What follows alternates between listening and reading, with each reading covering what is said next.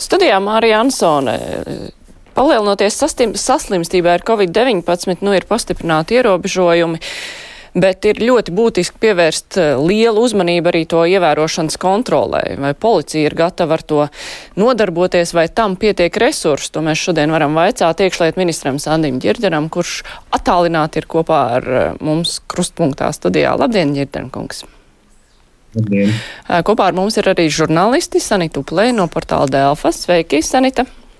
Sveicināti! Un Gatis Kristovskis no ziņu aģentūras Letas. Sveiks! Labdien! Klausītāji, jūs varat rakstīt uh, savus jautājumus, varat mēģināt arī mums zvanīt uh, uz ēteru tālruņa numuriem. Tie ir kā parasti 6722, 888, 672, 559. Vienīgā ķibela, ka tā kā mēs te strādājam attālinātajā režīmā, es nevaru garantēt, ka uh, visus zvanus varēšu pacelt tikai tad, ja kāds trāpīsies ļoti piemērotā laikā un piemērotā brīdī. Bet runājot par ierobežojumiem un uh, iespējām uh, kontrolēt uh, to, kā cilvēki ierobežo tagad jau arī noteiktos pastiprinātos ierobežojumus, tad kādi īsti ir policijas resursi vai jums pietiek cilvēki, kas ar to var reāli nodarboties, un vai tiks uh, meklēts atbalsts bruņotajos spēkos, par ko arī tagad runā? Jā, teiksim tā, mēs sadarbojamies arī ar pašvaldību policijām. Un, kā jūs redzat, arī vakardienas ministru kabineta lēmumā ir akceptēts uh, sadarbības modelis, kāds bija principā arī pavasarī, ka uh, teiksim, uh, valsts policijai nāk palīdzīgā arī robežsardze, kas ir tāda normāla lieta, bet arī zemesardze. Un, tas, tas pasākumu kopums ir vērsts vairāk uz iekšējo robežu kontroli, uh, neslēdzot robežu ar Lietuvu, Igauniju, bet mēs noteikti teiksim, patrulēsim, lai samazinātu vīrusa ieviešanas riskus no Lietuvas, Igaunijas un citām valstīm. Ir sevišķi arī pret tautiešiem, kuri tomēr arī pie šī smagā stāvokļa tomēr atstājot telefonus, brauc nu, vai iepirkties, vai citu mērķu labāk brauc uz Lietuvu, Igauniju un tad atpakaļ un nereģistrējās Covid pasu pašdeklarēšanās sistēmā. Kas attiecās uz policijas resursiem, es paskatījos. Nu, tad, uh, tur ir tāda interesanta statistika, uh, ka faktiskais policistu skaits valstī uz 100 tūkstošu Latvijas iedzīvotājiem ir 283 policisti.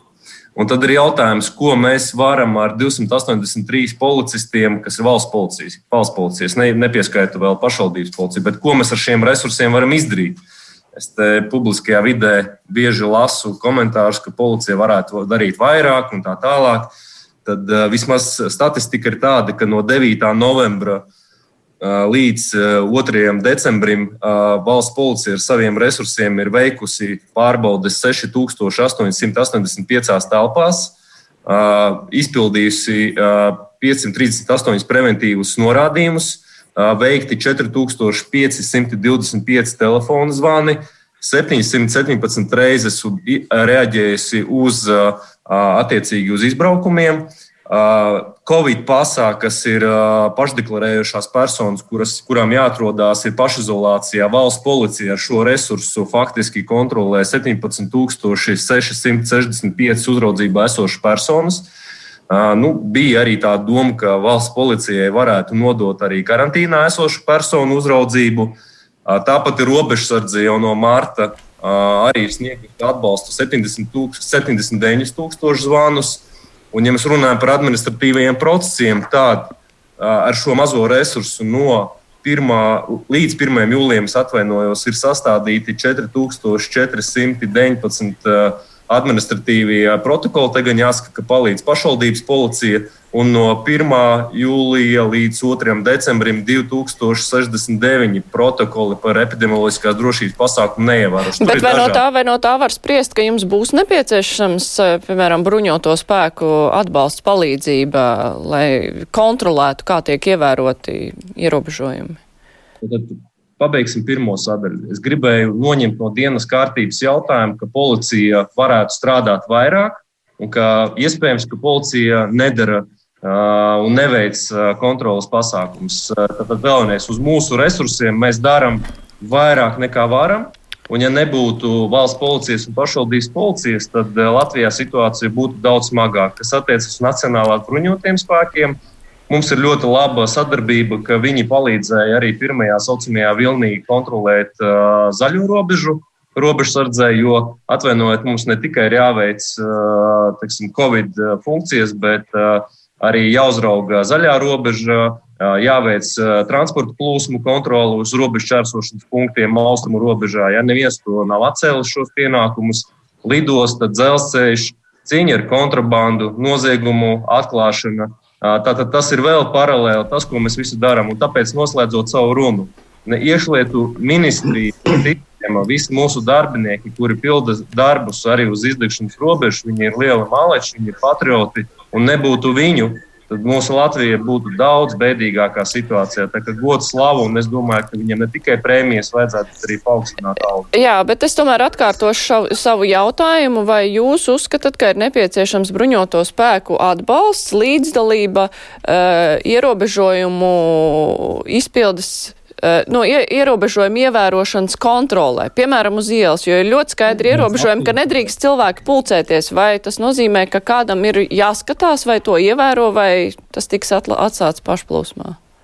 Mīļie cilvēki, mēs neesam policijaska valsts. Te nav autoritārs režīms. Tas, ko es gribēju pateikt, un arī jaunais valsts policijas priekšnieks Rūkakungs, viņam ir tieši tāda pati vīzija kā man. Mēs strādājam un fokusējamies uz prevenciju, Un, uh, mēs, mūsu darbs ir vērsts uz sadarbību ar sabiedrību un ar tiem pašiem komersantiem. Uh, un, uh, pirmais, kas ir jādara, tas ir jāsāk katram pašam ar sevi. Ir jāpārdomā, ko mēs darām, uh, kur mēs ejam, kāda ir mūsu ikdienas paradumi, vai tiešām mums nepieciešams iet uz to pašu veikalu trīs reizes nedēļā, vai mēs varam aiziet vienreiz nedēļā.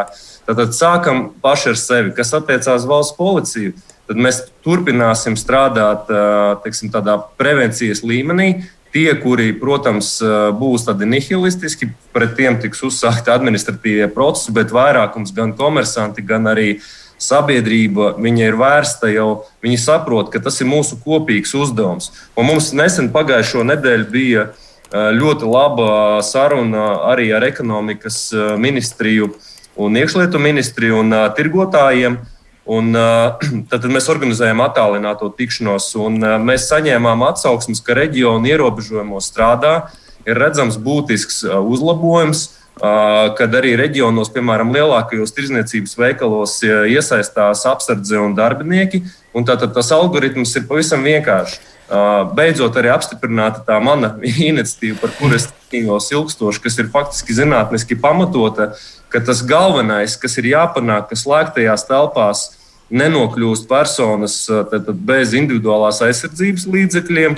Nu jā, nu, nu jā, nu skaidrs, ka tur šobrīd arī ir vēl citi papildus ierobežojumi par to, cik cilvēku var būt telpās, bet to nenovērsīsimies ļoti... no policijas darba. Es gribēju dot vārdu kolēģiem. Sanita grib papildināt droši vien. Jā, es gribēju precizēt to armiju. Ja tad jūs sakāt, vai es pareizi saprotu, ka mūsu likumi un pat ārkārtējā situācijā neļauj armijā zemesardzē veikt, teiksim, policijas funkcijas ikdienā uz ielas. Un ja tā, Tas nozīmē, ka viņi, viņi jums palīdzēs uz robežas un, un kaut kur, vai, vai tas varētu atslogot, teiksim, kā policijas eh, kaut kādus citus, teiksim, resursus un vairāk pārbīdīt. Tieši tā, mēs uh, Nacionālās bruņotos spēkus un arī zemesardzi maksimāli cenšamies iesaistīt tajās sfērās, kas vairāk vai mazāk ir viņu teiksim, tuvākā funkcija, ko viņi saprot un ko viņi māca. Tātad viņi piedalās iekšējās, piemēram, imigrācijas kontrolēs vai zaļās robežas kontrolē. Tad viņi palīdz stiprināt mūsu resursus tur, kur mums viņi ir jāstiprina. Un mēs netaisamies izmantot nacionālās bruņotas. Bet vai to vispār drīkstētu darīt? Drīkstēt, droši vien jāskatās normatīvais regulējums, bet jums jāsaprot viena lieta. Epidemioloģisko drošību, epidemioloģisko prasību ievērošana saistās ar administratīvo procesu. Un nacionālajie bruņotie spēki vai zemesardze, viņi, nu, nav, viņi neveic ikdienā šīs policijaskās funkcijas, viņi nemāk uzsākt procesu, viņi nemāk sastādīt administratīvo protokolu, viņi nestrādā ar apas, jeb administratīvās atbildības šo elektronisko reģistru, tās viņiem nav raksturīgās funkcijas. Tā kā Galveno šo funkciju izpildīs valsts policija un pašvaldības policija, sadarbojoties, protams, ar pašvaldībām un pašiem tirgotājiem un cilvēkiem. Katram ar mums pašam jāsāk. jāsaka. Nu, tas arī ir mans jautājums. Gribēju precizēt, vienkārši, lai sabiedrība saprot, ja tagad parādās ziņu virsraksts, ka nu, armija nāks palīdzīgā, lai cilvēki saprot, ka armija nenāks un zemesargi nenāks un, un nepildīs tās funkcijas tieši par sodīšanu cilvēki, es tiešām vēlos jūs nomierināt. Es pats ar interesi mēģināju saprast, kas ir šis avots par par to, ka tiks iesaistīti nacionālajie bruņotie spēki vai zemesardze. Nē, šāda plāna nav. Mēs redzam, ka mēs varam uh, pildīt tās funkcijas uh, un tādā likuma rāmī, kas ir ar esošiem resursiem. Protams, šie, šo, šo teksim, resursu izmantošana primāri būtu jāvirza uz uh, nu, esošo pamatfunkciju izpildi. Ja sabiedriskā kārtība, noziegumu apkarošana, ēna ekonomikas apkarošana, kas ir kontrabanda un visi plašākie noziegumi. Bet tāpat laikā mums jāsāk pašiem ar sevi sabiedrību kopumā, jo tas ir valdības, sabiedrības un katra individa kopīgas darbības rezultāts. Jo mēs būsim vairāk vienoti, jo ātrāk pārvarēsim šo krīzi. Jā, kolēģi, ģirt. Gribēju precizēt, Ģirģiem, ka jūs, jūs sakiet, ka tā, tā armija tā kā nāks palīgā, tā kā nē, es pirms šīs intervijas piezvanīju robežsardzi un viņi apliecināja, ka viņi prasīs aizsardzības ministrā palīdzību. Tad es gribēju precizēt, cik lielu to palīdzību jums vajag uz tām robežām.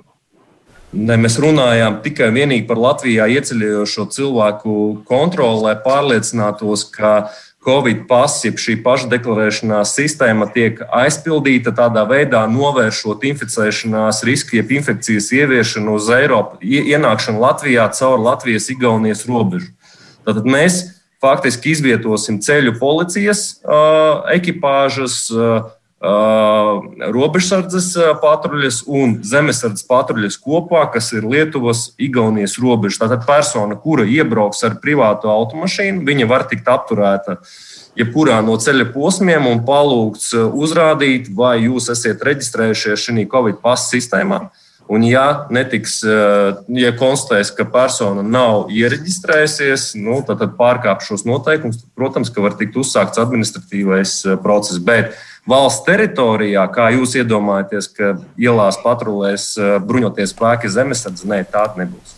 Mums klausītājs ir, e, e, klausītājs ir uzrakstījis, ka viņš ir gatavs palīdzēt policijai fotografēt pārkāpējus, augšu pielādēt bildes, pievienot vietu, vai policijai ir vietne, kur sūtīt pārkāpēju sejas, un es vēl piebildīšu, vai ir jēga no tādām darbībām, vai kāds reaģēs. Protams, mums ļoti svarīga ir sabiedrības nu, palīdzība ne tikai Covid krīzes pārvarēšanai, bet arī jebkura nozieguma atklāšanā vai arī kādas sabiedriskās nekārtības teiksim, novēršanā. Valsts policijas mājaslapā ir vietne, jūs atvērsiet, tur redzēsiet, tur ir informācija, kur var nosūtīt informāciju. Un mums arī strādā gan e-pasts, gan tālrunis. Mēs reaģējam gan uz elektroniskiem sūtījumiem, gan arī uz zvaniem. Sanita. Man bija jautājums vakardien, nu, mēs arī sekojam līdzi, jūs vēl beidzāt, un, un žurnālisti beidz agri šorīt no rīta. Ko jūs īsti pieņēmāt?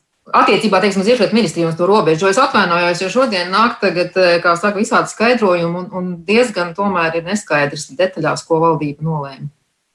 Nu, es eh, pateikšu tā, man liekas, ka diezgan skaidrs, skaidrs, skaidrs šīs prasības svarīgākais tas, ka uh, Ministru kabinets lēma par šo drošības pasākumu vienkāršošanu, kas attiecās uz būtisko risku novērs, novēršanu. Man personīgi svarīgākā sadaļa ir veikali, pakalpojumi, tirzniecības uh, laiku ierobežošanu, nosakot, ka brīvdienās, sestdienās, svētdienās nestrādā uh, tad, tad tie plašie veikalu tīkli, bet uh, principā tirgo tikai šīs pirmās nepieciešamības preces, pārtika, degviela, medikamenti, higiēnas preces. Attiecīgi ļoti svarīga norma tika pieņemta, ka no 3. decembra veikalos un pakalpojumu sniegšanas vietās vienam apmeklētājam jānodrošina 15 km2 platība un uz durvīm jābūt norādītais skaitam, tātad, cik šī veikalā, jeb slēgtajā telpā vispār var atrasties cilvēki, tāpēc ka policija nestaigās nevienam pakaļ ar metramēru un nerēķinās, cik veikalā ir kvadratūra. Mums tas nav nepieciešams. Tas attiecīgi palīdz arī pašam veikalam organizēt paši savu kārtību, kā viņi organizēs, lai šajās telpās nenonāk personas bez individuālās aizsardzības līdzekļiem un netiek apkalpotas personas bez individuālās aizsardzības līdzekļiem. Un, ja veikalā vai nu pārsniegs šis skaits, vai nu, teiksim, attiecīgi būs kādi ļaunprātīgi šie tiesību izmantotāji, tad izsauks ekipāžu, nu, tad ekipāža ieradīsies un kopā ar komersantu risinās šo jautājumu. Nākamais svarīgākais posms ir robeža. Tad man bija svarīgi, ka Mēs ne tikai dzēšam šo covid ugunsgrēku valsts teritorijā, bet arī mēs sākam sakārtot tās vājās vietas, kuras ir uz valsts iekšējās robežas. Jā, ārējā robeža ar Baltkrieviju, Krieviju, principā mums ir noslēgta. Tur nāk tikai nu, dzelzceļš un kravas transports. Un arī pasažieru ostās un tā lidostās plūsma nav tik liela, tad privātais transports, kur fiziskās personas čērso Igaunijas, Lietuvas robežu. Nu, tas bija tāds ļoti atvērtais, kā saka, atvērtie vārti, tāpēc valdība akceptēja, ka Arī premjerministrs norādīja, ka nepieciešams stiprināt iekšējo ro robežu. Valsts robežsardzes priekšnieks sazinājies arī ar NBS komandieru un ir vienojušies par to, ka robežsardzē papildus tiek doti cilvēki 247 no zemesardzes līdz brīdim, kamēr beigsies šī ārkārtas situācija, tātad līdz 11. janvārim. Tur pieslēdzās attiecīgi arī policija ar policijas ekipāžām, un mēs veiksim, ne, mēs veiksim šīs uh, Covid pasu. Uh, pašdeklarēšanās kontrols. Respektīvi, tie cilvēki, kuri braukās bez telefoniem iekšā vai ārā, vai vienreiz brauc iekšā, viņi var sastapties ar ekipāžu, kur apturēs un palūgs uzrādīt šo deklarēšanu. Ja nē, tad ir process. Un, Principā es gribēju cilvēkiem pateikt to svarīgāko algoritmu no manas puses. Man prieks, ka valdība uzsāk šo vienkāršošanu attiecībā uz ierobežojumiem.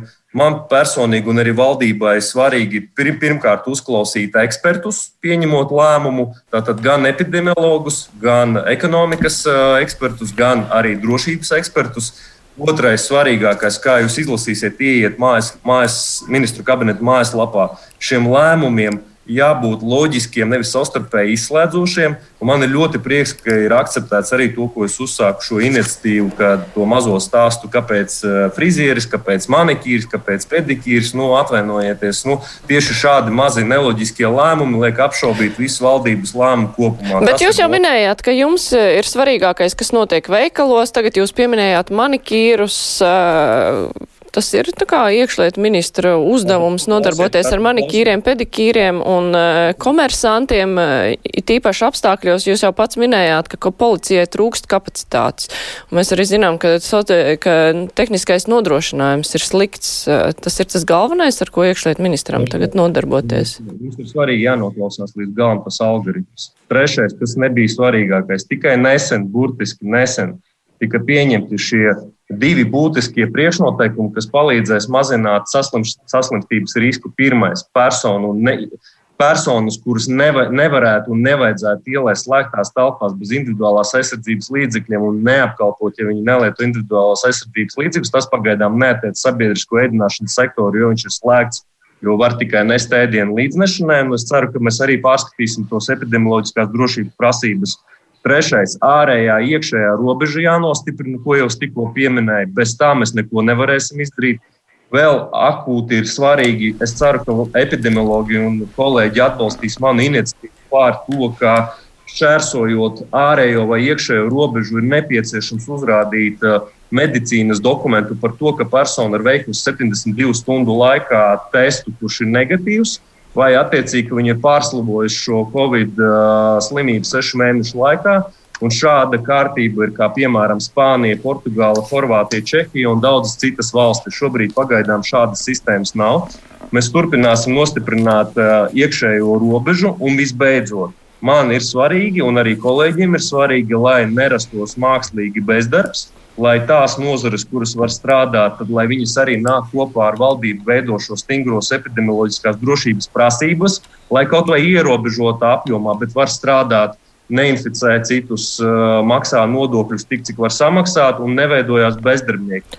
Un pēdējais ir ātras atbalsts, tas, kur bija kļūda, un to mēs varam atzīt, ka tā bija kļūda, kad pieņemot uh, šo iepriekšējo. Jā, nu, nē, par atbalstu, par atbalstu mēs šajā redzījumā nerunāsim. Jā, kolēģi Gati. Man bija divas precizējošas lietas no tā, ko jūs teicāt. Pirmkārt, ko jūs vēlaties precizēt epidemioloģiskās prasības attiecībā uz ēdināšanas?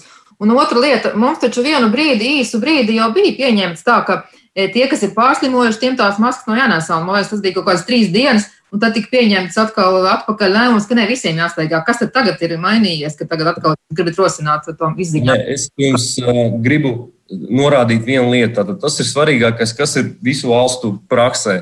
Uh, censties uh, sakārto šos epidemioloģiskās drošības protokolus ar nozarēm, kuras ir svarīgas un kurām ir jāstrādā un kuras var strādāt. Tas jums ir jāatcerās. Jo arī reģionos tie paši mazie vidējie vai uzņēmēji vai pašnodarbinātās personas, ja viņas var strādāt, tad viņām ir jāstrādā. Bet, ja epidemiologi vai, piemēram, nu, eksperti saka, ka tur ir vēl kaut kāds uh, inficēšanās risks, tad uh, ir jānāk arī tām pašām nozarēm, un mums ir jāsaskaņo vēl detalizētāki plāni, lai atvērtu viņu strādāt. Nu, piemēram. Piemēram, nu, piemēram nu, jūs paši arī redzat, tā pati sabiedriskā ēdināšana. Uh, skaidrs, ka uh, tad, kad viņu aizvēra, tur vēl var meklēt loģismu tajā apstākļī, ka varēja šī mazajā kafejnīcā sanākt ļoti daudz cilvēku. Principā, ja galdiņu skaits ir mazs, kvadratūra maza, bet cilvēku daudzums ir liels. Attiecīgi, ir inficēšanās risks. Ir. Tagad, kad valdība novienkāršo un pieņēma šo lēmumu par to, ka uz durvīm ir jānorāda, cik personas drīkst var būt, cik vispār, tātad, ka viņas nevar apkalpot bez individuālās aizsardzības līdzekļiem. Un arī iepriekš tur pie ēdinātājiem bija šie galdiņi, divi metri, cik pie galdiņa var būt. Tad nākamajā sēdē jau ar epidemiologiem jāpārunā, vai tas ir pietiekami, vai attiecīgi vēl ir kaut kas jāpieņem, lai šie uzņēmumi varētu strādāt. Nu, tā, tā, tas ir tas, un tas pats arī bija šeit. Nav jau runa par kaut kādu skaistumu kopšanu. Es neesmu patrons skaistumu kopšanas nozarē, bet esmu patrons par to, ka tie cilvēki faktiski ir, ir bez darba, viņiem nav naudas. Viņi, mums, viņi man arī sūta vēstuli, saka, esmu ārstniecības persona, esmu reģistrēta. Man, es personas klientus rakstīju žurnālā. Starp klientiem bija 30 minūšu starpbrīdis. Izveidināja telpu, nodezinficēja, strādāja aizsargu vairāk. Kāpēc es nevaru strādāt? Tāpēc es domāju, valsts... tas, ko jūs sakāt, tad iznāk, ka tagad atkal iznāk tā, ko jūs sakat, ka pēc dažām dienām atkal valdība kaut ko pārskatīs. Nebūs tā, ka līdz 11. janvārim tiešām beidzot būs kaut kas nemainīgs. Jo cilvēkiem ir, nu, ir ļoti grūti. Tātad vēl vienreiz. Jums ir jāsaprot viena lieta, ka valdība, nē, valdība ir noteikusi, ka ārkārtas situācija ir līdz 11. janvārim. Jā. Bet tāpat laikā arī veselības ministre Viņķels kundze uzdosiet jautājumu. Viņai viņa norāda tos kritērijus, kas liecinātu par to, ka šī nu, teiksim, saslimstība ne tikai bremzējas, Un ne tikai, ka viņi nostabilizēs, bet ka viņi arī krītas. Un arī, ja jūs paskatīsieties šo SMK teiksim, ministru kabineta rīkojumu numur 655 noteikumus, tad tur jau var, piemēram, pašvaldības ar paaugstinātu saslimstības rādītāju tie ierobežojumi stājas spēkā, ja tie rezultāti pasliktinās nekā vidēji valstī. Ja viņi ir uh, līmenī, tad šie ierobežojumi nemaz nestājas spēkā. Bet tātad ir divas tikai opcijas. Vai nu mēs visi kopā kolektīvi panākam, ka šis uh, saslimstības līmenis krītas un ir valdībai ir jāceļ ārkārtas situācija, uz ko es ceru, vai nu otrais, mēs vēl joprojām paralēli, kamēr ir šī situācija līdz 11. janvārim meklējam tos cilvēkus, uzņēmējus, kuri var strādāt un pie kādiem drošības pasākumiem viņi var strādāt. Jo jums taču ir jāsaprot viena lieta, ka mēs nevaram tikai arī subsidēt eh, bezdarbu, bezgalīgi aizņemties naudas, maksāt kompensācijas, pabalstus un tā tālāk. Un tā tālāk. Tāpēc loģiski jau tikai būtu tā, Tā, pa, pa, pagaidiet, pēdējais. Tā nozare. Bet īsāk mazliet, jā, jo mēs jau ejam ekonomikā. Mhm. Pagaidiet, tā nozare, kura objektīvi nevar strādāt, kā piemēram turisms, viņa ir jāsubsidē, bet ir arī nozares, kuras var strādāt. Un jautājums, pie kādiem nosacījumiem mēs viņam varam ļaut strādāt. Jā, kolēģi, Gati. Vakar uh, valdības sēdē jums arī parasti ir tās saucamās atsevišķās domas. Uh, bija kādi priekšlikumi, kas netika atbalstīti no jūsu puses? Nē, mums valdībā bija viens prāts par to, ka mums ir viens kopīgs mērķis Tad vienkāršot šos noteikumus, lai viņi būtu saprotami, izpildāmi un tāpat laikā arī aicināt sabiedrību kopīgi visiem ar savu personīgo piemēru radīt apstākļus, lai neizplatītu šo vīrusu un mazinātu inficēšanās riskus. Nekādu atsevišķu blakus viedokļu nebija. Klausītājs raksta tā, vai šāda retorika par to, ka policija proaktīvi neveiks pārbaudas, tā ir paša komersanta atbildība un tam līdzīgi nesakmēs to, ka iedzīvotāji neievēro ierobežojumus. Tas ir klausītāja jautājums. Atbildēšu jūs. Es domāju, ka jūs varbūt sadzirdējāt mani. Es teicu, ka komersanti strādā kopā ar policiju. Nav policija dara tikai savu darbu, un komersanti neko nedara. Vai nav arī tāda situācija, ka visi ir atbildīgi komersanti, savukārt policija neko nedara? Absolūti nē. Tas ir, ir simbioze, sadarbība starp komersantiem un policiju. Mums ir arī bijušas savstarpējas vienošanās, kā es teicu, ar nozari, ka ne jau mēs ejam kādā telpā un sākam sodīt komersantu. Protams, ja komersants ir saka, nihilistiski noskaņots, viņš neievēro noteikumus, viņš neskaita personu skaitu, viņš atļauj cilvēku, cilvēkiem ne, ne, nelietot individuālās aizsardzības līdzekļus, viņu apkalpot. Skaidrs, ka mēs viņu sauksim pie administratīvās atbildības. Savukārt, objektīvi mazā veikaliņā, kur ir viena pārdevēja, kurā ienāk cilvēks bez maskas, nu, varbūt arī kāds cilvēks kļūdās. Tas jau nenozīmē, ka mums uzreiz ir jāskrien un jāstāda jāizstrāda protokols. Mums ir tas ir savstarpējs darbs, eh, gan cilvēks, gan komersants, gan policija. Nu, tas ir loģisks algoritms. Jūs runājat par atbildības sanīti. Par pašvaldībām jūs pieminējāt, bet vai tad tagad nav tā, ka pēc šiem jaunajiem ierobežojumiem, ka visā valstī ir vienādi, vai tad vēl tomēr būs iespējams, ka kopš ceturtdienas, nu, rītdienas, ka vēl, ir, vēl pašvaldībām būs kaut kādi vēl īpaši? Ja tas bija tikai tagad, kamēr jūs nepieņemāt vakardien to lēmumu. Nē, nē, nē, mēs runājam par to, ka ir 5,39 viens punkts, kuri noteikti konkrēti jā, tas ir 4. Jā, jā. Jūs, Girģēna kungs, runājat par atbildību. Šonadēļ eh, sašutumu sociālajos tīklos izraisīja jūsu koalīcijas partnerā ierosinājums par kriminālu atbildības noteikšanu, par ierobežojumu neievērošanu. Nu, ko jūs par to sakiet? Es vēl esmu teicis, ka nezinu, vai patīk vai nepatīk kādam, droši vien mans viedoklis nepatīk. Es vienmēr esmu bijis vērsts uz prevenciju, uz komunikāciju, uz darbu, uz skaidrošanu gan ar sabiedrību, komersantiem, vienlaicīgi nu, izmantojot tos esošos rīkus, kas ir, kas ir administratīva atbildība. Starp citu, krimināla likumā jau ir arī paredzēta atbildība par par, par epidemioloģisko drošību prasību neievērošanu. Tā jau nav, ka tādas krimināla atbildības nav. Bet, kā jūs redzat, nu, ir teiksim, administratīvo lietu skaits. Nu, viņš nav mazs. Tas nozīmē, to, ka nav tā, ka policija vispār nestāda kopā ar pašvaldības policijām, nestāda šos administratīvos protokolus. Bet, ja jūs man prasiet novērojumu dzīvē, nu, paskatīsimies objektīvi. Cilvēki sāk ievērot gan sabiedriskajā transportā, gan arī šajos tirzniecības centros Bet, ja jūs es sakat, ne... ka jūs esat par prevenciju, kāpēc vispār valdībai bija jānonāk līdz šiem ļoti stingriem ierobežojumiem? Jo pirms tam jau epidemiologi teica, ka mēs varētu samazināt saslimstību, ja cilvēki ievērotu esošos ierobežojumus, bet cilvēki neievēroja, tajā skaitā arī veikalos neievēroja. Tad eh, vai šī prevencija strādā pietiekoši, ja pirms tam izrādījās, ka tomēr nestrādā? Nu, atvainojos, neviens nevar pateikt kategoriski ievēro vai neievēro. Jums nav, tādas, jums nav tādu datu, ka jūs pateikt, ka visi ievēro vai visi neievēro. Ir arī nejaušības princips dzīvē. Jūs varat iet un tikpat labi netīšām, nezinu, es pat nevaru pateikt, vai jūs šobrīd sēžot, vai uz jūsu pults arī nav, piemēram, kāds covid infekcijas risks, un nākamais, kurš apsēdīsies tur, arī neslims. Tad, tad ir jāņem vērā ne tikai, ka ievēro vai neievēro, bet arī nejaušības riski un attiecīgi. Tāpēc es vienmēr dzīvē neesmu bijis tāds kategorisks, jā, nē, balts, melns, ir arī kaut kāda patiesība pa vidu, bet tas, ko mēs noteikti nevaram darīt, darīt. Mēs nedrīkstam vienkārši brutāli sodīt savu sabiedrību un izturēties kā policiskā valstī. Visam ir saprāta robeža. Tas nozīmē, ka līdz šiem stingriem ierobežojumiem mēs nonācām nevis tādēļ, ka cilvēki neievēroja iepriekšējos, bet vienkārši tā gadījās.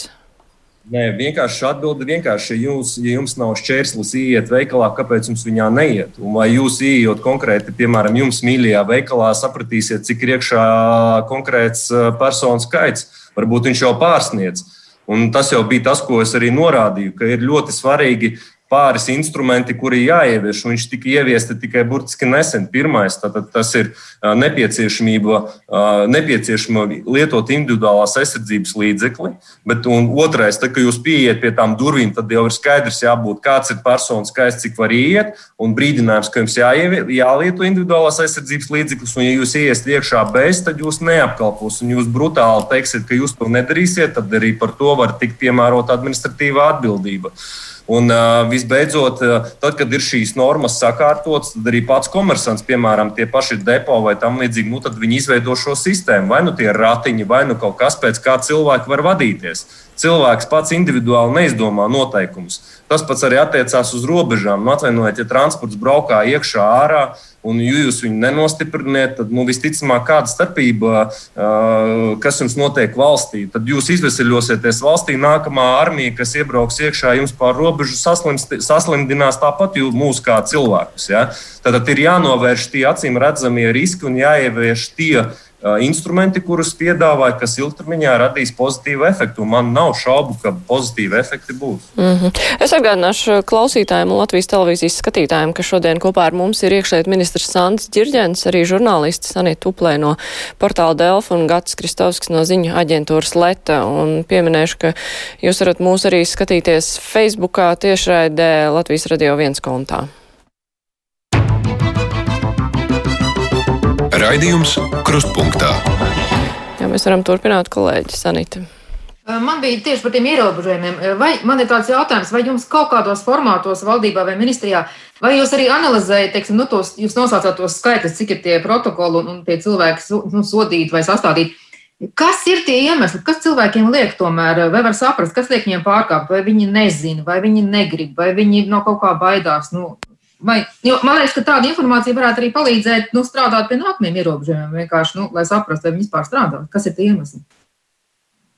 Nu, man, manā rīcībā ir tikai konkrētie dati par veidiem, par ko ir piemērota administratīvie pārkāpumi, nu, sastādīt protokolu un piemērot sodi. Tur ir piemēram par pašizolācijas neievērošanu, mutes deguna aizsega nelietošanu, elektroniskās anketas neizpildīšana, distancēšanās prasību neievērošana, par vairāk nekā 10 personu piedalīšanos privātā pasākumā un arī par 50 personu vairāk piedalīšanos apulcēs, piketos un gājienos un tā tālāk. Tad tie, tie pārkāpumi ir dažādi, iemesli dažādi un subjektīvi iemesli var būt dažādi, bet vēl vienreiz teicu, tur ir divas sadaļas Pirmais ir tas, ko mēs redzam, ka cilvēks varbūt nu, bija vēl, kad nebija tie skaidrie, stingri ļoti ierobežojumi, nu, kad mēs viņam skaidrojam. Un uh, otrais ir tad, kad ir jau tāda nihilistiska attieksme. Jūs varbūt redzējāt arī Latvijas televīzijā, bija raidījums par naktas diskotēkām. Ja? Bija ierobežojumi, valdība noteica visiem skaidri, līdz 12. var darīt to, pēc 12. nevar darīt to. Pēkšņi pēc 12. piemēram, viena vieta, tur vairs nav vairs diskotēka, bet jau ir privāta ballīte. Un tad sāk stāstīt policijai, nu, mēs jau tā netīšām satikāmies, un mums ir privāts pasākums un tā tālāk. Nu, skaidrs, ka šāda veida subjekts, kuri atklāti teiksim, neievēro noteikumus un paildzina mūsu šo izēju no Covid krīzes, nu, tādus mēs saucam pie atbildības. Jā. Jūs, Ģeņģiem, kungs, esat minējis, ka Covid krīze var radīt eh, drošības riskus, sociālo spriedzi. Kā pat labāk izskatās eh, situācija ar noziedzības stāvokli valstī? Bez šaubām. Tieši tas arī bija tas, kas norādīja, ka dažās nozarēs, kuras varēja strādāt, piemēram, Ir ļoti liels sieviešu īpatsvars, sociāli neaizsargāts ar maziem bērniem, neapmaksātiem rēķiniem. Vispār, kas var būt smagāks, arī mājās sēž vīrietis ar nespēju nopelnīt un samaksāt rēķinu un uzturēt savu ģimeni, sievu un bērnus. Nu, manuprāt, tas veicina noziedzību, tas veicina, veicina uh, depresiju, un tas ir tas, ar ko mēs ikdienā strādājam, tā ir tieši iekšlietu ministrijas un padotības iestāžu atbildība. Un es redzu, ka viss, viss šis periods vēl tikai veicina narkotiku, psihotropo vielu neatļautu izgatavošanu, iegādāšanos, glabāšanu, pārvadāšanu un pārsūtīšanu, paaugstinās kontrabandas riski, piemēram, valsts robežsardze jau šī gadā vien jau ir konfiscējusi, ja nemaldos, 59 miljonus cigarešu, kas valstī ir iekonomēti 8 miljoni eiro, ja pareizāk sakot, novērsti zaudējumi.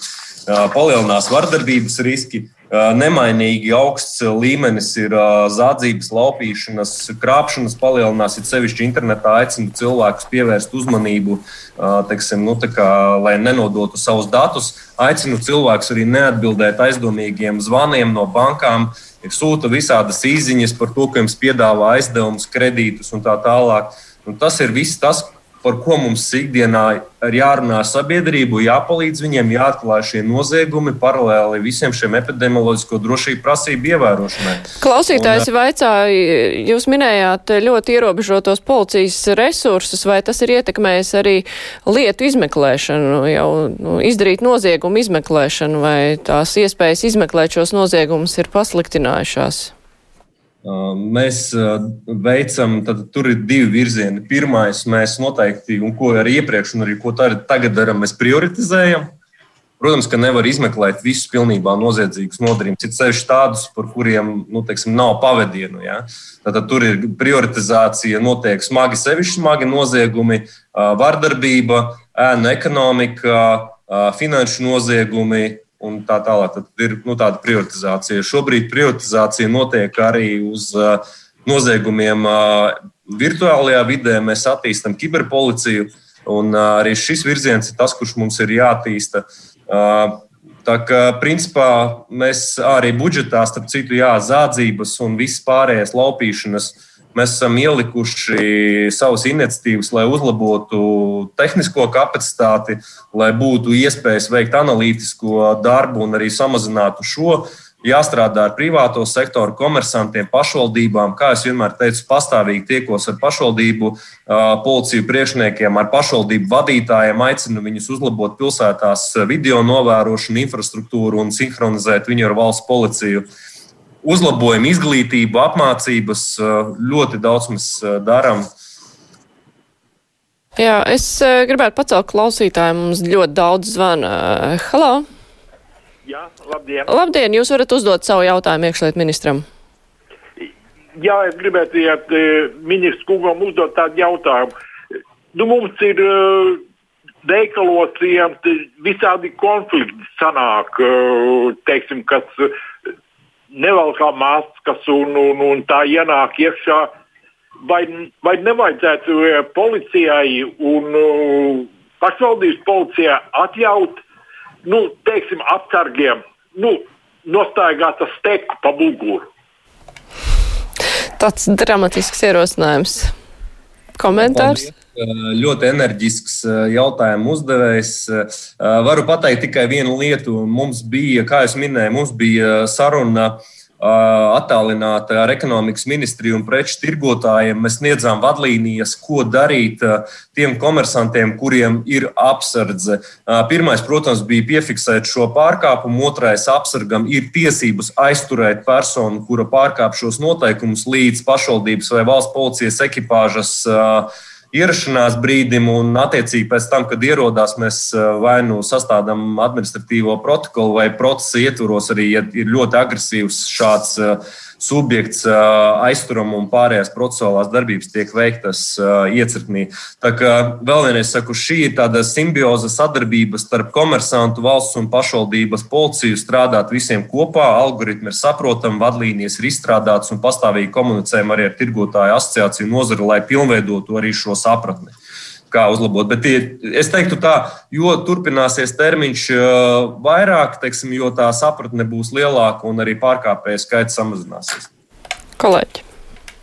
Kāda, kāda situācija ir ar viltus ziņām? Vakar parādījās sociālajos tīklos šī viltus informācija par to, kā premjerministrs staigā veikalā bez maskas. Policijai ir kaut kāda krimināla procesa par, par viltus ziņām, vai kāda ir tā situācija?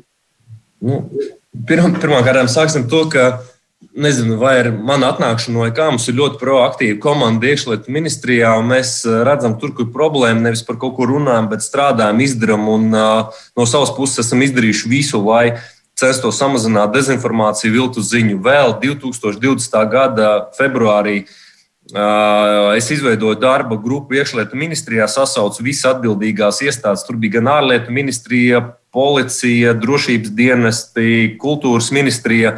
Es uzliku pēc būtības par pienākumu izstrādāt uh, ātru, saprotamu regulējumu, lai varētu cīnīties ar šīm viltu ziņām. Tika sagatavoti priekšlikumi.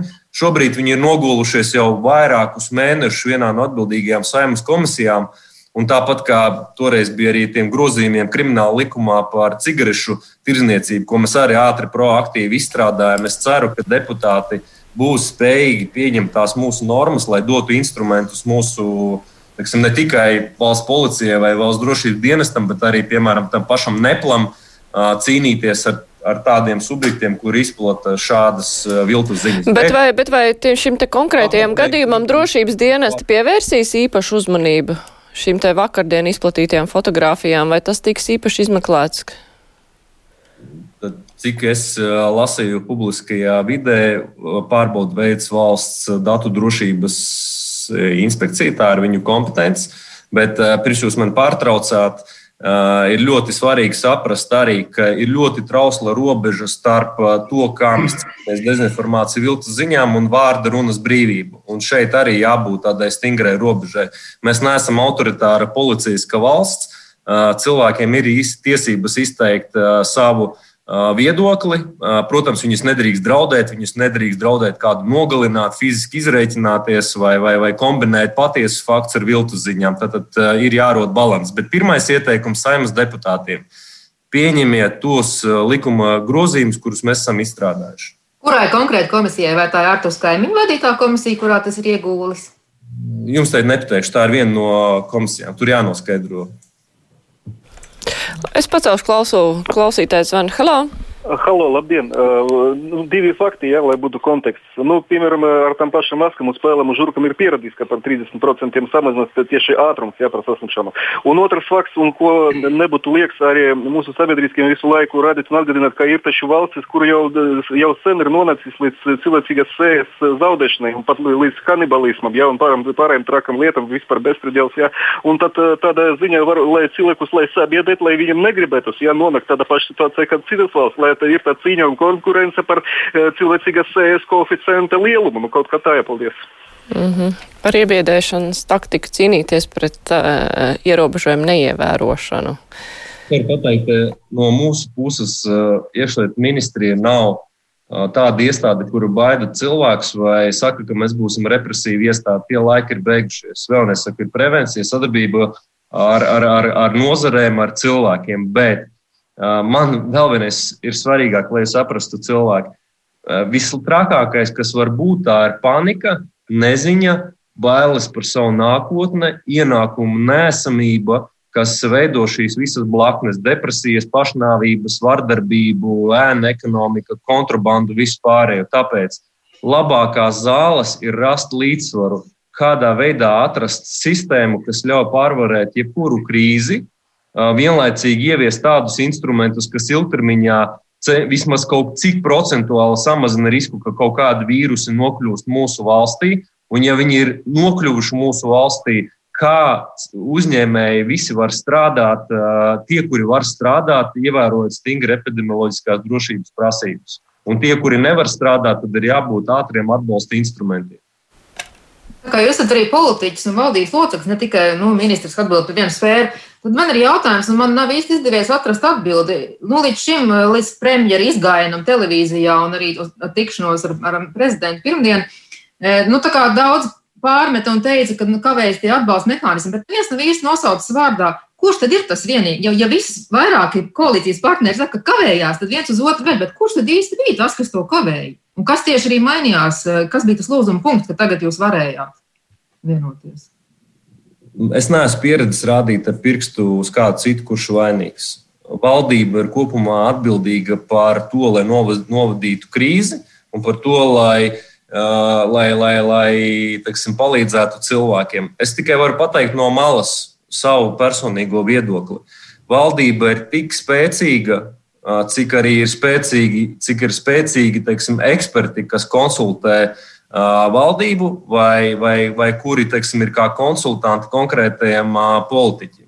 Un šeit ir atkal jāsaprot struktūra. Ir valdība, ir ministru kabinets, bet pirms valdība pieņem lēmumu, ir tā pati darba grupa ar ekspertiem, ar ministriju, valsts sekretāriem un visiem pārējiem, kuri vēl izspriež tos riskus vai to problemātiku, kas ir jārisina. Un tāpēc es vienmēr esmu aicinājis, un arī iekšlietu ministrija izstrādāja manā vadībā šo priekšlikumu valstī izveidot operatīvās vadības centru, kurā uzkrājas kompetence, kurai ir pastāvīgas tiesības arī, piemēram, krīzes centra grupai pieņemt lēmumus ātrāk nekā teiksim, valdība vai kaut kāda birokrātu darba grupa, lai atrisinātu vienu otru jautājumu. Tas, ko jūs gribējāt dzirdēt, jo valstī vairāk teiksim, ir kompetentu ekspertu, jo arī ir kvalitatīvāka lēmuma, un tas arī ir diplomātijas viens no pamats. Es šobrīd jau beidzu faktiski studijas diplomātijā. Tur ir norādīts viens tāds ļoti svarīgs aspekts, ka ir jābūt valsts sektorā spēcīgai analītiskai kapacitātei gan ierēdniecībā, gan arī sadarbībā ar privāto sektoru. Un tikai tad, kad šī kompetence, zināšanas, ekspertīze sanāk kopā, tad arī valdība pieņem kvalitatīvus un ātrus lēmumus. Klausītājs, eh, es pacēlu klausulu klausītājs zvanu. Halo! Halo! Labdien, jūs jautājums! Jautājums ir tāds, runā par visu kaut ko, bet cik es esmu novērojis, cilvēki iet iekšā veikalā un nedezinficē rokas. Un mierīgi iet garām.